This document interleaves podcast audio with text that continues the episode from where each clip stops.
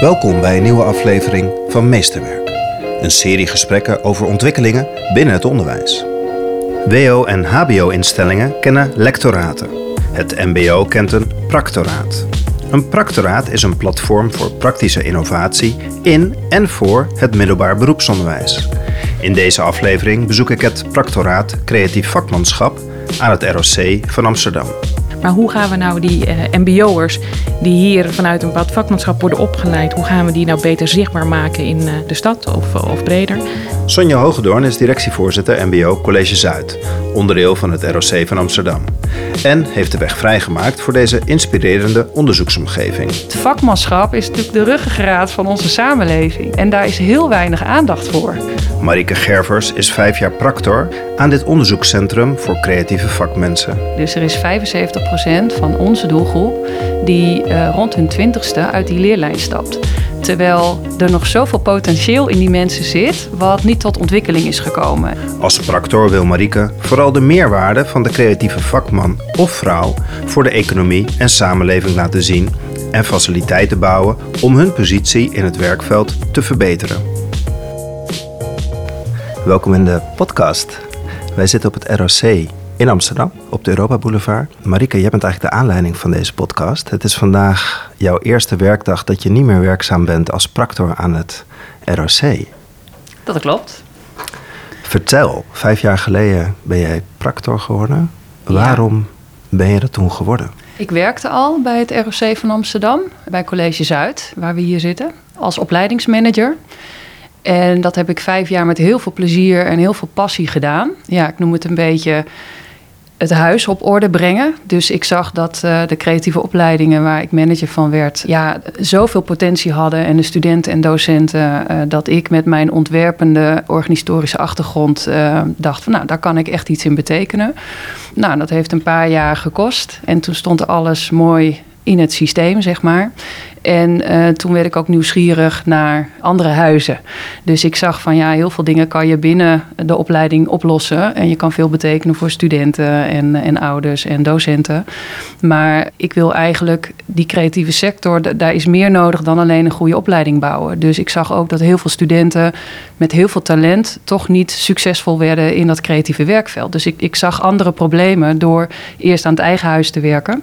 Dus ja, vanzelf groeide dat naar van ja, maar ik wil eigenlijk ook projecten doen buiten deze opleiding om ook deze student verder te helpen. Dus ja, mijn innovatiedrift uh, groeide naarmate mijn eigen huis op orde kwam. Het voelde echt van nou, tijd voor een volgende stap. En toen ben ik naar de directie gestapt van ja, ik zie nog heel veel dingen die uh, binnen de creatieve sector en binnen het mbo-onderwijs verbeterd kunnen worden. Uh, maar ook in het algemene MBO-onderwijs denk ik echt dat ik iets kan betekenen. Maar niet meer in deze rol als opleidingsmanager. Want het is ook een hele operationele baan. Dus ik wil heel graag helpen, vernieuwen, innoveren en zoeken naar nieuwe oplossingen en verbindingen. Hoe gaan we dat doen? Sonja, kan jij mij vertellen waarom jullie vijf jaar geleden dachten wij moeten een practoraat beginnen? Ja, misschien wisten we toen op dat moment nog niet echt dat we naar een practoraat gingen starten, maar zijn er wel een aantal ontwikkelingen bij elkaar gekomen. Kijk, enerzijds Marike, haar, haar wens, maar ook uh, de capaciteiten die zij uh, heeft, uh, plus de ontwikkelingen van hoe gaan we nou wij hebben als College Zuid hebben we creatief cultureel als profiel in ons college zitten en hebben we ook de opleidingen naar. Maar hoe gaan we nou die MBO'ers die hier vanuit een bepaald vakmanschap worden opgeleid, hoe gaan we die nou beter zichtbaar maken in nou, met name de stad of, of breder? En toen was inderdaad net de ontwikkeling dat die practoraten uh, opkwamen. Maar wij zagen wel in Marieke zagen wij wel een profiel van een, een, een practor. En hoewel op dat moment moesten we nog echt gaan definiëren wat dat zou kunnen zijn. Dat hebben we ook later uh, met elkaar uh, gedaan. Waarbij we zeiden van voor ons is een practor iemand, het is een, een, een boegbeeld in het, naar buiten toe, in het werkveld. Die verbinding kan maken tussen het waar we voor opleiden en het, en het werkveld zelf en de student. We, we vonden het ook heel erg belangrijk dat het practoraat innovatie in het onderwijs uh, zou moeten bewerkstelligen, maar dan wel ook gesteund door, door, door, door onderzoek. Praktijkgerichte uh, onderzoek, niet wetenschappelijk onderzoek, want dat vonden we niet onze core business, maar wel uh, onderzoek die dan de ontwikkelingen in het onderwijs, nou, als het ware valideerde. Daarnaast nog een aantal andere ontwikkelingen die ik ook nog wil benoemen. Uh, ze heeft inzicht gegeven in hoe onze creatieve MBO'ers, hoe die wel of niet doorgroeien naar een volgende stap. Um, nou, en zij kwam eigenlijk tot de conclusie dat daar ook wel een bottleneck zit. En daar heeft ze ook, nou, ik noem maar, arrangementen voor bedacht over hoe we daarin verder kunnen doorontwikkelen. Uh, en dat past natuurlijk wel enorm in de tijdsgeest, waarin we steeds meer gaan nadenken over leven lang ontwikkelen, op een andere manier uh, ook naar het onderwijs kijken. En daarheen heeft ze gepioneerd. Um, en dat zijn nu, daar heeft ze modules ook achtergelaten die nu heel erg passen in dat, uh, dat debat. En ook de ontwikkeling waar we nu eigenlijk in het begin staan en Marieke denk ik al iets verder in is. Marieke, vertel, wat, welk avontuur heb jij bewandeld de afgelopen vijf jaar? Waar je nu bent? Nou, het is echt een ontwerpend onderzoek geweest. Dus het is ook echt niet zo dat wij aan het begin precies wisten waar we nu zouden staan. Ja, dat is eigenlijk het grootste cadeau wat ik heb gekregen. Dat dat ook niet van tevoren vastgesteld was. Dus het was echt van ga maar vliegen. Wij zorgen dat de wind onder je vleugels komt en ga het maar doen. En uh, dat is natuurlijk sowieso al bijzonder in een best wel ja, toch hiërarchische organisatie waar iedereen in een, um, in, in een rol zit, in een functie zit. Kreeg ik de vrijheid om overal een beetje aan te wippen. En in het begin was dat heel erg kijken van hoe kunnen we de student ondernemender maken. Want een creatieve vakman zal als ondernemer uh, zijn vakmanschap moeten uitoefenen wat kunnen we in het onderwijs doen? Dus we zijn projecten gestart waarbij we meer dan 300 studenten tegelijkertijd uh, in een heel traject hadden, buiten de schoolmuren. Uh, nou ja, en om aan de middelen te komen, hè, dus, dus de basisbekostiging van het onderwijs laat eigenlijk dat soort speciale projecten niet toe. Moest ik zelf ook ondernemend worden. Dus het was heel erg practice what you preach. En dan blijkt dat er eigenlijk best wel veel middelen zijn buiten de schoolmuren, als je maar actief uh, die buitenwereld opzoekt. We hebben met de Economic Board samengewerkt, met Stimuleringsfonds creatieve industrie, met uh, House of Skills, een groot initiatief hier in Amsterdam, en de MBO-agenda, de gemeente. Uh, en eigenlijk zijn we steeds projecten gaan opstarten waar we heel veel van leerden. En het allereerste project wat we opstarten met die paar honderd studenten in hun afstudeerfase, zijn we ook meteen verbinding gaan zoeken met de andere MBO-scholen hier in de stad, die ook creatieve opleidingen uh, aanbieden. Dus het was meteen ook zo van ja, we moeten met elkaar gaan samenwerken en niet alleen binnen het ROC van Amsterdam. En wat ik vooral leerde uit die eerste projecten is, ik betrok daar oud-studenten bij. Want er waren wel studenten of oud-studenten die heel succesvol waren. Dus ik wilde weten waarom lukt het jullie wel en uh, jullie studiegenoten niet. Hè? Wat doen jullie? En tegelijkertijd betrok ik die mensen ook bij de planvorming en uh, zette ik ze in als coaches. En je zag meteen dat dat een heel groot effect had. De studenten die aan het afstuderen waren, die, die namen heel veel aan van alumni die al een paar jaar op weg waren. En die alumni waren in het begin wel een beetje onzeker van ja, maar ik ben er ook nog niet. Uh, ik ben ook nog aan het rommelen. In al je onderzoeken komt dat steeds terug. Hè? Die peer coaches noem je ze ook. Wat is het wat zij doen bij die leerlingen en, en wat is het effect wat hun brengt? Want je zegt letterlijk ergens, of niet letterlijk, maar ongeveer iets van ja, wat een peercoach weet te bereiken, weet een docent vaak niet die al twintig jaar op de opleiding werkt. Dus wat, wat is de magie of de toverstaf die zij bij die student ja, aanraken? Zij hebben zelf uh, op dat MBO gezeten. Dus uh, de student identificeert zich met die persoon. Kijk, een docent uh, zit hier in het MBO ook heel vaak met heel veel passie en commitment. Maar is wel hoog opgeleid, heeft een gezin, uh, is doorgebroken als muzikant of als vormgever. En dan denkt ze, ja, jij, maar ik ik kan dat vast niet. Hè? En het is natuurlijk ook heel logisch als je 18 of 19 bent, dat je onzeker bent over wat je kan. Ook al heb je talent, toch heb je je onzekerheden. En als iemand vier jaar op weg is en ook op die opleiding heeft gezeten en zegt, ja, ik ben er nog lang niet, maar ik heb ja, na de dertigste deur die dicht zat, die 31ste deur wel open gekregen, dan beginnen ze ineens te geloven van, hé, hey, maar dan kan ik het misschien ook wel. Iemand van 18 denkt ook wel eens, ik heb talent, dus het komt me allemaal aanwaaien. En dan kan een docent 500 keer zeggen, maar als zo'n zo'n peer dat zegt, dan komt het gewoon veel beter aan. Die zit gewoon net twee treden verder dan de leerling eigenlijk zelf is. Die staat ja. er heel dichtbij. Ja, dus ze identificeren zich daar echt mee. En een docent kan daar dus ook heel van, van leren. En ik denk juist dat een samenwerking tussen die twee heel goed is. He, die docent die, die begrijpt de context, terwijl een, ja, een, een peer kent vooral zijn eigen context. En die docent heeft het overzicht. Dus die docent wordt dan wat meer de coach. En die peer, die, dat wordt de motivator. En dat wordt uh, ja, het voorbeeld. Werkte dat ook bij de docenten? Stonden die ook open om die peercoaches naar binnen te halen en daar een nieuwe samenwerking in te zoeken? Hoe, hoe verliep dat? Nou ja, de, de, intentie was er wel, maar het was ook heel ja, bijzonder om te zien hoe de peers toch wel opkeken naar de docenten. En uh, wij merkten in dat eerste traject ook dat de docenten zitten in de waan van de dag van de opleiding. Dus ze waren allemaal heel gemotiveerd, want we hadden iets van 15 docenten betrokken bij dit hele traject. En iedereen was in het begin heel gemotiveerd, maar door de waan van de dag en ja, docenten hebben gewoon veel, hè, veel aan hun hoofd, konden ze niet altijd leveren. Terwijl die peercoaches, die huurden we in. Hè, dus ik ben ook echt van mening, als je oud-studenten inzet en we hebben ze afgeleverd als vakmensen, dan moet je ze ook waarderen en betalen als vakmensen. Als je hun kennis en expertise terug wil halen naar het onderwijs. Dus die werden ook betaald. Uh, terwijl docenten het er vaak bij deden. Dus die peers die waren eigenlijk gemotiveerder en meer spot-on dan de docenten. Terwijl zij toch een beetje opkeken naar die docenten. Dus we zagen dat, dat de, de peers, de alumni, meer meer voor elkaar kregen, maar dan toch afwachtend waren naar die docent. En waar zag je het verschil wat die peers voor elkaar kregen, wat wellicht docenten nog niet meteen voor elkaar kregen? Waar zat dat in? Wat zag je bij de leerlingen gebeuren? ja, het, het, werd meer wederkerig. Dus eh, de, de peer en de, hè, de, de peercoach en de student die waren meer met elkaar in gesprek over wat nodig was. En waar de valken, het, het werd eerder eerlijk of eerder open kwetsbaar. En, en je zag dus dat de peercoach ook naar de docent een beetje ja, ontzag had. En dat heeft natuurlijk een student ook naar de docent. Omdat die docent meerdere rollen heeft dan alleen maar een buddy zijn. Dus dat, dat is ook begrijpelijk. Dus we hebben wel de tweede keer dat we dit traject deden, de docent een kleinere rol gegeven. En de peercoach een grotere rol. Sonja, ik ben heel benieuwd. Want Marika die vertrekt vanuit een verlangen wat jullie samen hadden. En al vrij snel, in mijn, hoe ik het beluister, rammelt ze eigenlijk ook een beetje aan de structuren zoals in het ROC wellicht gangbaar zijn. In hoeverre is er ook echt daardoor iets veranderd in het ROC of in verschillende domeinen van het ROC? Ja, nou ja, kijk, weet je, ik denk dat het een bijdrage heeft geleverd, ook met name aan de discussie van wat doen we ook weer na het MBO. Um, waar we nu staan binnen uh, het ROC van Amsterdam, is dat we heel actief zijn in het ontwikkelen van een aantal AAD's. Wat voorheen niet echt een speelveld was van het MBO, maar met name van het HBO. En Marieke heeft wel ook blootgelegd van waar het hem aan schort.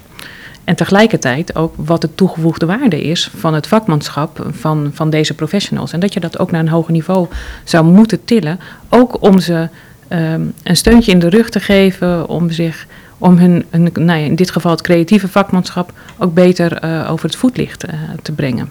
En daarnaast is het, het werken met young professionals, uh, dat zijn we meer gaan doen. Hè. Even nu heel concreet, in, in deze COVID-periode en we toch met kleine klassen moesten gaan werken, dat we ook aan het kijken waren van hoe kunnen we ook onze capaciteit vergroten, hoe kunnen we ook de kleine klassen, hoe daar, daar goede begeleiding op zetten. En werken we nu ook met, er zijn vele alumni, werken we samen, die hebben we ingehuurd om ook daar een onderwijstaak in te geven. Uh, nou, het mooie daarvan is vanuit uh, Square, dus de broedplaats, uh, is er ook een module didactiek ontwikkeld. Nou, didactiek is nu weer aan die alumni gegeven vanuit Square. En die young professionals hebben nu een rol bij ons in het onderwijs. Nou, het is hartstikke mooi dat dat kan. Ja, dus het wordt eigenlijk circulair. Ja. Ja. ja. Marika, een belangrijk onderdeel uit, jou, uh, uit je onderzoek, en misschien wist je het al wel, maar je hebt het volgens mij heel erg benadrukt, is die MBO'er die eraf komt. En in één zin vond ik het heel mooi samenkomen. Er is veel werk, maar er zijn geen banen. Mm -hmm. En daar hebben deze met name creatieve, opgeleide talenten, hè, die echt aan het begin staan, nou, die, die hebben daar een zoektocht in. Tussen welk wal en schip hangt die eigenlijk? Ja, nou ja, dus dat is het leuke van Practor zijn. Dan ga je ook wat verdiepen in uh, het onderzoek wat er is. Hè. Dus ik voel me geen onderzoeker, maar ik wil wel onderzoek gebruiken om te onderbouwen wat we ontdekken en, en dus aan het bouwen zijn. En ik ontdekte een onderzoek van uh, Roel van Asselt, waarin hij de rendementen van het HBO uh, onderzocht. En daaruit blijkt dat de helft van alle mensen die op MBO 4 niveau afstuderen, dus het gaat nu even niet alleen over creatief, maar over iedereen, dat zijn 80.000 mensen per jaar, ehm, dat de helft daarvan een studie op het HBO probeert.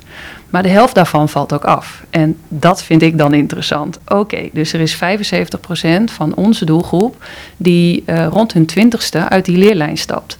Terwijl er nog zoveel potentieel in die mensen zit, wat, uh, wat er nog, wat nog niet tot ontwikkeling is gekomen. En nou ja, je brein ontwikkelt zich ook door. Juist die functies, uh, hè, plannen, organiseren, ondernemen, reflectief vermogen, dat ontwikkelt zich eigenlijk tot je 25ste.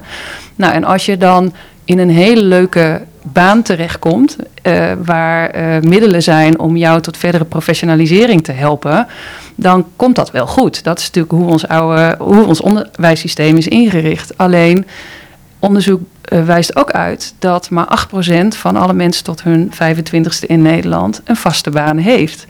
Uh, hè, als je die 25% er nog bij optelt die dan wel succesvol in een HBO-opleiding zit, ja, dan is er toch uh, 67% van de mensen die bij ons van school komt, die geen werkgever heeft die investeert in professionalisering en ook geen ja, initieel onderwijsinstituut die dat verzorgt eigenlijk zijn ze nog niet af. En zeker als jij als ZZP'er in die markt zit. En door te werken met die ZZP'ers ontdekte ik ook, het zijn eigenlijk helemaal geen ZZP'ers. Het zijn rommelaars. Het zijn slash, slashies noemden we ze. Want ze doen van alles. Ze moeten echt rommelen, uh, alle kansen pakken die er zijn om uh, zich te profileren, om een portfolio op te bouwen. Um, dus je kan ze eigenlijk ook niet als ZZP'er zien. Dus vaak verdienen ze ook net niet genoeg om voor ZZP-faciliteiten in aanmerking te komen. En het is een hele grote groep die eigenlijk niemand in beeld had. Want het HBO was vooral bezig met de havist en die 25% die wel succesvol was. En wij binnen het MBO waren vooral bezig met de groep van 16 tot 19 goed op weg helpen. Dus juist door met die, eh, met, met, met die starters te werken en te zeggen van ja, maar dan gaan we met jullie een plek creëren waar we samen ontdekken wat jij nodig hebt om je te professionaliseren en waar we samen werken om jou een goed podium te geven voor opdrachtgevers uh, gaan we ontdekken hoe dat wel werkt. En natuurlijk ben ik begonnen bij de HBO-instituten en gezegd van... hé, hey, we willen graag samenwerken in een associate degree. Want een associate degree, waar Sonja het al even over had, een AD... dat is eigenlijk hoger onderwijs op niveau 5. Een bachelor is niveau 6. Laten we samenwerken, want we hebben een doelgroep 75% past nu niet in jullie onderwijs. Laten we samen dan een nieuwe vorm bouwen die beter past. Ja, en dat kwam moeilijk op gang. Hè, dus dat duurt dan ook een paar jaar. Dus dat is uh, verder niet aan het. Uh, het, HBO heeft natuurlijk ook zijn eigen tempo. Uh, maar ik had dat geduld niet. Dus ik ging zoeken van ja, maar zijn we dan afhankelijk van die HBO-instituten? Of kunnen we ook vanuit een private manier kijken hoe we die mensen naar niveau 5 kunnen brengen? Want deze mensen bleken helemaal niet zo geïnteresseerd per se deze creatieve makers in een volledige opleiding en al hun skills in de kast stoppen. Zij zeiden: nee, wij willen aan het werk. Maar op het moment dat wij ontdekken dat we meer opdrachten kunnen krijgen of een interessantere aanstelling als we ons doorontwikkelen, dan ben ik geïnteresseerd in kan iets. Kan jij je nog herinneren dat jij dit Eureka-moment had? Dat je die doelgroep op je, echt op je vizier kreeg en dat je voelde, er klopt iets niet? Mm -hmm. Want je, je schiet nu in je verhaal heel snel naar de oplossing. Hè? Je gaat mm -hmm. op zoek bij het HBO kan ik iets voor ze doen? Maar zat dat in dat onderzoek of kwam je deze mensen tegen? Ik vind het zo'n belangrijk... Uh, kantelpunt in jouw hele practoraat is dat je echt voor die doelgroep bent gaan inzetten. Ja. Is dat een moment geweest? Ja. Of? ja, er was een kantelpunt dat ik niet voor de doelgroep ging werken, maar met de doelgroep en vanuit de doelgroep. En we hadden met elkaar in die zoektocht naar wat is een goed practoraat en wat is een goede practor, uh, werd ook duidelijk van ja, je doet onderzoek, dus dan is het ook wel belangrijk dat je een master hebt. Die had ik niet. Ik had kunstacademie gedaan. Dus dat was voor mij ook het moment om naar een interessante master te kijken. Dus ik heb dat gedaan naast mijn practoraatschap. Ik deed dat ook twee dagen in de week, uh, het practoraat. En ik deed de master crossover creativity bij de HKU. En daar heb ik eigenlijk geleerd wat ontwerpend onderzoek is. En ontwerpend onderzoek, design thinking ook wel genoemd, betekent dat je heel erg je verdiept en verplaatst in de doelgroep. Als ontwerper en als strateeg dacht ik dat ik die doelgroep wel kende. En toen besefte ik, nee, ik moet het echt met ze doen en niet voor ze doen. En vanaf dat moment heb ik in die studie, maar ook in mijn werk als practor, heb ik echt, ja, dus die peers echt betrokken aan de tekentafel. En heel erg serieus genomen. Dus toen, toen ontstond het wederkerige. En dat was zo verrijkend en zo inspirerend. Dus dat werd het moment dat ik zelf ook ging leren. In plaats van uh, dat ik de expert was of ik wist wel hoe het zat. Vanaf dat moment was het iedere dag weer nieuwe dingen leren en ontdekken en samen proberen of het werkte. Dus design thinking is ook prototypen, prototypen en, en, en weer aanpassen. En ja, Heel dingen weggooien. proces, hè? Elke keer weer opnieuw kijken wat je doet. Ja.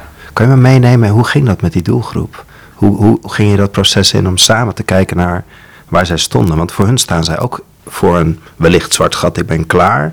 Ik wil niet naar een HBO, ik wil, maar ik weet ook nog niet precies hoe ik daar vorm aan ga geven. In, in, in dat gat ben je gaan bewegen. Hoe Ja. ging dat? Ja. Eh, nou ja, ik was ook zelf manager geweest. Dus ik had gelukkig een bak met, eh, met leuke studenten die ik volgde. Ja, dus die ben ik gaan uitnodigen. Ik, ben, ik heb gezegd, ik wil weten hoe, hoe jullie leven, werken, wat jullie doen. Dus ik, ik, ik, ik, weet nog dat eerste gesprek bij de Tolhuistuin in de zon op het terras eh, met eh, twee jongens die ik kende, die eh, de opleiding bij mij hadden gedaan. En die hadden nog een paar vrienden meegenomen en gewoon praten over hoe ziet jullie leven eruit. En ja, wat er eigenlijk uitkwam is, ja, we spreken gewoon iedere twee weken af. Dan koken we voor elkaar en dan, dan bespreken we al onze blunders. En, eh, en, en, en we helpen elkaar en we organiseren samen feesten. En we zitten een beetje in die en die niche in de hip-hop. En ja, ik vond dat zo interessant. En, en zij waren heel dankbaar. Zij waren, eh, om mee te werken. Ze vonden het heel eervol. Dus we hebben gewoon superleuke sessies gehad met elkaar. Ehm, en ja, en zij wisten dan weer mensen die dat ook interessant konden vinden. Dus wat mij vooral verraste is hoe leuk ze het vinden om de nieuwe generatie te helpen het makkelijker te maken in die sector. Sonja, neem maar even mee in deze periode dat het practoraat bezig is. Want ehm, we zitten hier in een ROC-gebouw. Eh, het onderwijs is misschien wel veel ook in dit gebouw georganiseerd, samen met het werkveld. En dan komt de practor, die gaat lekker in het zonnetje zitten met twee afgestudeerden. En, en die gaan eens kijken van, hey, kunnen we iets nieuws ontwerpen? Misschien wel buiten die muren. Hoe ging jij als persoon in relatie tot je organisatie hiermee om? Hoe keek je daarnaar? Wat deed het bij jou? Nou, het mooie van een, een, practoraat, en, en, en en, nou ja, bij Marieke vind ik die rol ook heel erg passen, is dat je dat, dat je dat juist buiten de muren doet van je, eh, eh, van je school. Want dat geeft ook ruimte om buiten bestaande eh, kaders gewoon te gaan pionieren en nieuwe dingen te ontdekken. Ehm, dus we hebben juist gezegd buiten het gebouw en, en de kaders om. En tegelijkertijd natuurlijk wel die verbinding blijven maken met de opleidingen. Hè, zodat we daar wel die goede aansluitingen houden. Maar wil je iets op gang brengen. Ja, doen wij dat wel vanuit onze visie, omdat juist buiten de, de opleidingen. eh, dan kun je snelheid maken. Dat is ook met vallen en opstaan. En dat moeten we ook met elkaar eh, accepteren. Dat dat zo eh, werkt. Om vervolgens weer een stap verder eh, te komen. En had je daar ook een rol in om die deur open te blijven houden? Ja, precies. Dus dat betekent inderdaad eh, eh, nou, de, de, de link leggen tussen Marieke en, en, en de opleidingen. Maar wel inderdaad heel nadrukkelijk kijken van hoe kunnen we het een en het ander blijven verbinden. Ja. Even terug naar de zon en je zit daar met je twee afgestudeerde MBO-studenten en, en naar nu. Je bent een avontuur daarin gegaan met hen om die doorlopende leerlijnen eigenlijk vorm te geven. Neem ons eens mee in, in de zoektocht en, en wat je hebt ontmoet en wat er uiteindelijk ook is gekomen. Het begon in de MBO-opleidingen en uiteindelijk eh, richtte mijn focus zich meer op die mismatch na het MBO. Ja, we hebben een broedplaats opgericht. Hè. Dat is heel erg uit het onderzoek voortgekomen van ja, die eigenlijk heel informeel is. Dus dat is een, ja, een, een, een, soort laboratorium waarin we met die makers eh, onderzoeken van ja, hoe werkt nou jouw professionalisering het best? Eh, zeker als je ondernemend eh, in je vakmanschap moet staan. Eh, en dan merken we ook dat iedereen iets anders nodig heeft. En dat het belangrijk is dat je een netwerk hebt. Wat die jongens eigenlijk al zeiden. eh, we hebben elkaar om elkaar op te peppen en om te leren van elkaars fouten. Dat merk ik ook wat heel erg in die broedplaats gebeurt. Dat is, dat is een broedplaats voor mensen die zijn klaar met de MBO en die komen er bij elkaar vanuit verschillende disciplines. Ja, En creative starters noem jij ze eigenlijk, hè? ja. En Ja, die komen heel daar bij elkaar, heel ja. creative. Ja, ze zijn allemaal ZZP'er. Dus ze, zijn, ze kunnen zichzelf redden, ze, ze weten wat ze kunnen. En ze zijn welkom bij ons om naar eh meetups te komen die we organiseren. En eh, ze kunnen lid worden van de community als ze ja, een, een, een goede signatuur hebben, een goede leervraag eh, en ook iets te bieden. Eh, dus we hebben eigenlijk verschillende lagen die gebruik kunnen maken van die broedplaats. Dus we gaan ook langs alle eh, creatieve opleidingen in Amsterdam. om te vertellen van hé, hey, die broedplaats is er, Square. En wij we willen je ook graag vertellen over hoe je werkende leven eruit zou kunnen zien uh, zodra je klaar bent. Want heel veel studenten hebben geen idee. En weet dan dat er een plek is als Square waar je terecht kan voor een workshop. En weet ook dat het uh, startende creatieven zijn die al een beetje succes hebben, of soms al heel veel, die geven ook die workshops. Dus dan heb je weer dat peer effect. Uh, en tegelijkertijd leren wij ook heel veel in die MBO-scholen van waar, waar, waar zij mee bezig zijn. Want dat is eigenlijk weer een nieuwe generatie die ook weer bepaalde trends en uh, ontwikkelingen vertegenwoordigen. Dus die broedplaats is, is een plek. Uh, en we merken nu ook dat het werkveld naar de broedplek komt. Omdat ze weten van hé, hey, er zit een professionele club achter die hen helpt om ook zo professioneel mogelijk zich te gedragen. Je wat voorbeelden dat het, wordt? Ja, dus opdrachtgevers melden zich nu. Uh, nou ja, en een hele toffe uh, ontwikkeling is dat uh, over een aantal jaren Amsterdam 750 jaar bestaat. we dus door een groot bureau zijn gevraagd om samen met hen te pitchen. En ja, we hebben die opdracht binnen. Dus wij mogen meewerken aan ja, de hele campagne voor Amsterdam 750 jaar. En we is dan de ZZP'ende makers die wij helpen om hun skills het beste in te zetten voor verschillende opdrachten die daaruit voortkomen. Als daar dan nog één ding aan mag toevoegen, want ik denk ook al een belangrijk gegeven is, als je kijkt naar onze studenten en die hier afstuderen, zijn het vaak studenten met een biculturele achtergrond. Voor wie ook de ingang in de, nou, het creatieve werkveld niet altijd heel, heel makkelijk is. En ik denk dat jullie ze ook daarmee een, een platform hebben gecreëerd en een soort weg plaveien om de weg daarin uh, te vinden. En het feit dat jullie voor zo'n opdracht worden gevraagd, is denk ik ook met name omdat je ook die doelgroep in huis hebt. Nou, andere verhalen uit de stad. En uh, we zitten nu in een, in een tijdsframe waarin die interesse uh, enorm is gegroeid. Terwijl wij daar vijf jaar geleden natuurlijk al van zeiden, ja, deze verhalen moeten verteld worden. Maar je moet mensen wel goed begeleiden om dat ook op een professionele manier te kunnen doen.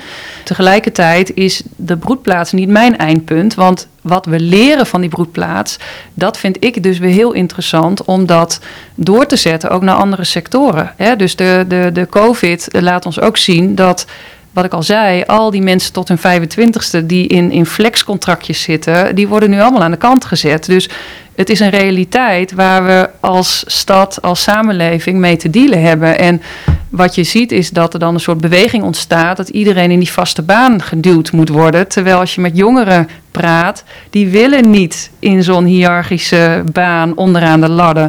Die, die willen die vrijheid wel, maar die willen ook zekerheid. En ik vind het dan interessant, hoe, hoe geven we dat voor met z'n allen? Zowel onderwijs, maar ook overheid en ook werkveld. Dus, dus daar beweegt eigenlijk mijn focus zich nu naartoe van hoe kan ik in een soort regisserende rol al die partijen met elkaar verbinden en daar goede instrumenten voor ontwikkelen. Dus de broedplaats is ja, uh, iets wat nu op zichzelf staat en, en wat een mooie signatuur krijgt. En wat ook niet alleen voor MBO-afgestudeerden is, maar iedereen die zich herkent in die signatuur. Uh, dus daar zitten ook autodidacten en daar zitten ook mensen die uh, wel na het MBO en HBO-opleiding hebben gedaan. Eh, maar daar, daar zit een mooie signatuur van visual storytellers. Uh, en tegelijkertijd bouw ik nu vanuit de Learning Hub, wat we ook wel in die stichting hebben ondergebracht, heel erg aan van hoe kunnen we hoger onderwijs op een andere manier vormgeven, zodat je die doelgroep die nu niet op dat HBO tot zijn recht komt, toch die doorontwikkeling kan geven. En waarom maken we dat niet modulair? En, en, en waarom moet je een diploma halen? Waarom mag je niet een badge of een certificaat halen? En dat soort ontwikkelingen zijn natuurlijk allemaal gaande in het HBO. Maar ik ben een beetje met mijn mensen om me heen de pionier die gewoon dingen probeert. En dan ook kan zeggen: zie je wel, het werkt wel. Of hé, hey, dit werkte niet. En die luxe heb ik omdat ik klein ben met mijn team. En uh, die hebben de instituten zoals het MBO en het HBO, hebben die ruimte gewoon minder. Maar ik merk wel dat er heel veel interesse is in wat er ontwikkeld wordt. En neem mij mee in het learning. Hub? Want het Learning Hub staat los van Square. Dus we hebben Stichting Square, de exameninstelling, de private exameninstelling die we dus hebben opgericht met hulp van de gemeente Amsterdam, met financiële hulp daarvan, valt ook onder Stichting Square. En de Learning Hub is eigenlijk de afdeling binnen Stichting Square die zich heel erg richt op innovatie van die leerlijn. Dus de broedplaats willen we daar niet mee lastigvallen, want makers willen helemaal niet geïdentificeerd worden met onderwijs en met onderwijsvernieuwing. Dus de Learning Hub houdt zich heel erg bezig met. Uh, met die onderwijsvernieuwing, eigenlijk vernieuwing van de leerlijn. Je hebt het over modulair onderwijs. Kan je voorbeelden geven wat jullie dan doen of wat jullie aan het ontwikkelen zijn om die vakman en vrouwen te voeden? Ja, nou ja, vanuit dat peer learning effect is de eerste module die we hebben ontwikkeld ook didactiek vanuit je vakmanschap. Dus hoe kunnen we nou zorgen dat mensen die uh, op niveau 4 zijn afgestudeerd inzetbaar worden voor bijvoorbeeld het MBO of dat ze hun eigen leermeesterschap in de markt zetten. Dus hun verdienmodel uh, is niet alleen op het podium staan of, of mooie dingen maken, maar soms ook het overdragen. Dus, dus aan jongeren of in een MBO-instelling. Hoe kunnen we dan zorgen dat ze dan wel net even die slag maken die nodig is om hier ook professioneel te staan in zo'n MBO-onderwijs? Dus we hebben die module didactiek ontwikkeld uh, en ontdekt als je 400 uur investeert in iemand, dan kan iemand een, sprong, een niveausprong maken in een bepaalde skillset. Dus je leert niet een heel beroep, maar je kan wel in een skillset een sprong maken naar een hoger niveau. Dat is dus de eerste module die we hebben ontwikkeld. Die hebben we ook gepilot. En nu ben ik dus vanuit die wetenschap met verschillende MBO-instellingen in gesprek van hey, is deze module niet inzetbaar voor jullie? Om als je alumni wil inzetten in je praktijk, zoals Sonja net noemde, kunnen we ze niet deze module laten volgen bij jullie op locatie met jullie kleuring erin. Uh, dan kunnen wij hem als Stichting Square examineren. En dan heeft dus de afgestudeerde vakman-vrouw heeft een badge, een certificaat gehaald op niveau 5. Dus die emancipeert zich. En jij weet ook dat die persoon de goede uh, uh, ontwikkeling heeft doorgemaakt om bij jou inzetbaar te zijn in het MBO. Dus dat is waar ik me nu de komende tijd op ga focussen. Dat ik eigenlijk de instituten wil helpen om uh, eigenlijk ook hun oud-studenten weer in te zetten in hun eigen onderwijs, omdat ik geloof dat dat goed is voor studenten. En daarnaast hebben we een module ondernemen vanuit je vakmanschap. Die ontwikkelen we nu met de gemeente Amsterdam. Uh, omdat zij ook heel graag een civiel effect aan hun programma's wilden maken. Maar we zijn ook met de bouwwereld uh, bezig. Die hebben ook gezegd van ja, uh, er is wel veel privaat onderwijs. Maar ja, wij merken dat, we, dat dat niet zo wendbaar is als we zouden willen. Dus laten we samenwerken. En die module wordt afgerond en gecertificeerd? Ja, we zijn dus echt een private exameninstelling. Dat is een heel traject geweest, vrij bureaucratisch.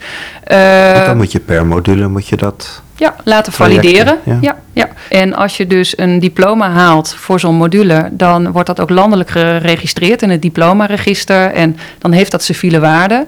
En binnenkort komen dus ook foutjes voor werkenden uh, beschikbaar. En uh, omdat we dus een erkende exameninstelling zijn, ja, heeft het civiel effect, maar kunnen mensen dus ook die foutjes verzilveren, omdat er een uh, diploma van uh, Stichting Square uh, is behaald. En uh, zei jij net, Sonja, dat jullie wel heel graag eigenlijk richting die associate degree willen bewegen als, als MBO-instelling. Komt dit bij elkaar dan? Ja, het zijn eigenlijk twee, twee uh, als je hem even iets breder trekt, is het leven lang uh, ontwikkelen, waar dan de AD uh, een ontwikkeling uh, in is. Um, en in dat leven lang ontwikkelen zien wij ja, wel een hele menukaart aan, aan, van, nou ja, aan trajecten wat je nog na het MBO uh, kan doen. Nou, dus, en daar biedt Square heeft daar een mooie input aan geleverd. We zijn ook nog andere in de derde leerwegmodules aan het ontwikkelen. En dat is waar we nu staan. En, uh, en binnenkort gaan we met afgestudeerde MBO'ers in gesprek van... hey, dit hebben we al, deze menukaart, hè, waar dan Square ook input aan heeft geleverd. Uh, waar ligt jullie vraag? Of ligt die nog op andere terreinen? Nou, ligt die op andere terreinen? En dan kan het best zijn dat we weer eens bij Square uitkomen van... hey, deze vraag ligt er ook. Is dat iets waar jullie in kunnen voorzien om die ook te ontwikkelen en te certificeren? En binnen de HBO's gebeurt nu ook van alles. Want uh, in eerste instantie waren de deuren best wel dicht. Uh, maar op het moment dat je dan zelf iets opricht, dan ineens uh, staat iedereen aan jouw deur. Met welke vraag staan ze aan jouw deur? Wat zijn jullie precies aan het doen? Uh, en hoe verhoudt zich dat tot, tot, wat wij aan het doen zijn? Want gaan jullie nu ook HBO-dingen doen? Zeggen we nee, het is geen HBO, het is wel hoger onderwijs. Het is wel... Ervaar je dan een nieuwsgierige vraag of ook wel een kom je niet op mijn speelveld vraag? Allebei. Uh, maar om even in het creatieve domein te blijven. Als practor heb je natuurlijk ook heel veel podia uh, die je wil beklimmen. Dus ik heb op meerdere conferenties gesproken. En ook op de AD-conferentie, de eerste AD-conferentie. Waar ik eigenlijk ja, ook de beperkingen van het AD vooral benoemde. En nou ja, de HKU, daar ben ik zelf opgeleid, master gedaan. Die zaten ook in de zaal. En uh, na mijn presentatie kwamen ze naar me toe en zeiden: Verdorie, Marieke, je hackt het HBO-systeem. En het is goed dat het gebeurt. Uh, en vervolgens heeft de KU ook gezegd: kunnen we je helpen uh, op een manier? Want het is zo interessant. Ook al ondermijnt het misschien waar wij zelf mee bezig zijn. En de HKU is nu ook bezig bijvoorbeeld met een associate degree vorm te geven. Waarbij ze me echt uh, hebben binnengehaald van ja, kom ons nou vertellen hoe we dit goed doen. Want wij willen die nieuwe doelgroepen in huis en we zien dat we ze verliezen. Dus blijkbaar kunnen wij niet dat vormgeven vanuit onze eigen tunnelvisie. Dus behalve dat we binnen het MBO steeds bewuster zijn van hey, dat niveau 5 is eigenlijk ja, de stap waarbinnen de echte professionalisering tot stand komt. En het HBO begint ook te beseffen van hé, hey, we kunnen dit niet alleen. We moeten veel meer gaan kijken met het MBO en die tussenschakels, zoals de Learning Hub, uh, daarbij betrekken. En het levert daarmee volgens mij een bijdrage aan de, heel, de discussie ook over flexibilisering van het onderwijs. Want dat is volgens mij uh, wat jullie gedaan hebben. Kijk, als we kijken naar, uh, ondanks natuurlijk de visie op de MBO in 2030 is uitgekomen, wat helemaal dit vergezicht voor ogen heeft. Flexibel, modulair. Ja, daar heeft Marieke nu mee, mee gepilot. en daar gaan we zeker de vruchten van plukken. Ja, het, het, het vakmanschap is natuurlijk de ruggengraat van onze samenleving. En, uh, en daar is heel weinig aandacht voor. Dus ik ben nog lang niet klaar met mijn missie, maar het practoraat voelt niet meer als de vorm waarbinnen dit nu verder moet. Want wat ga je doen vanaf vandaag? De vraag is onderzocht en het antwoord, daar gaan we nog heel lang mee verder. Ik wil dat eigenlijk vanuit een andere rol doen. Zoals ik als opleidingsmanager op een gegeven moment uit die positie wilde en heel mooi die practor, practorrol kon pakken, uh, voel ik nu van hé, hey, ik wil eigenlijk tussen onderwijs, overheid en werkveld inbewegen vanuit eigen plek. En die plek is Stichting Square. En, en dat is een heel mooi vehikel waar ik met mijn maatjes te bereiken ben en, en, en in te zetten ben door, door dat hele netwerk wat, wat ik heb kunnen opbouwen. Ook dankzij het practoraat. En in die zin blijft de samenwerking ook bestaan op een andere eh, manier. Gaan we blijven op een andere manier uh, samenwerken. Als je deze talenten daadwerkelijk goed faciliteert en als je goed luistert naar wat nodig is, uh, en daar kwetsbaar en lerend in durft te zijn, dat je dus echt heel veel bereikt. En dat je daar fouten in maakt en dat dat mag. Dat heb ik echt ontdekt. Dat je, dat je dingen bereikt als je echt geïnteresseerd bent in elkaar en als je het echt samen doet. Het openstaan voor wat die persoon inbrengt, dat geeft die ander het gevoel, ik word serieus genomen. Dus die wederkerigheid is de sleutel. Dit gesprek met Marieke Gervers en Sonja Hogendoorn is er eentje uit de serie Meesterwerk. Meer podcastafleveringen van Meesterwerk zijn te beluisteren via Spotify, iTunes, Soundcloud of kijk op janjaaphubeek.nl. Hier vind je ook meer achtergronden of linkjes naar artikelen rondom dit besproken thema. Wil je meer weten over creatieve vakmensen of practoraten? Kijk dan ook op practoraten.nl.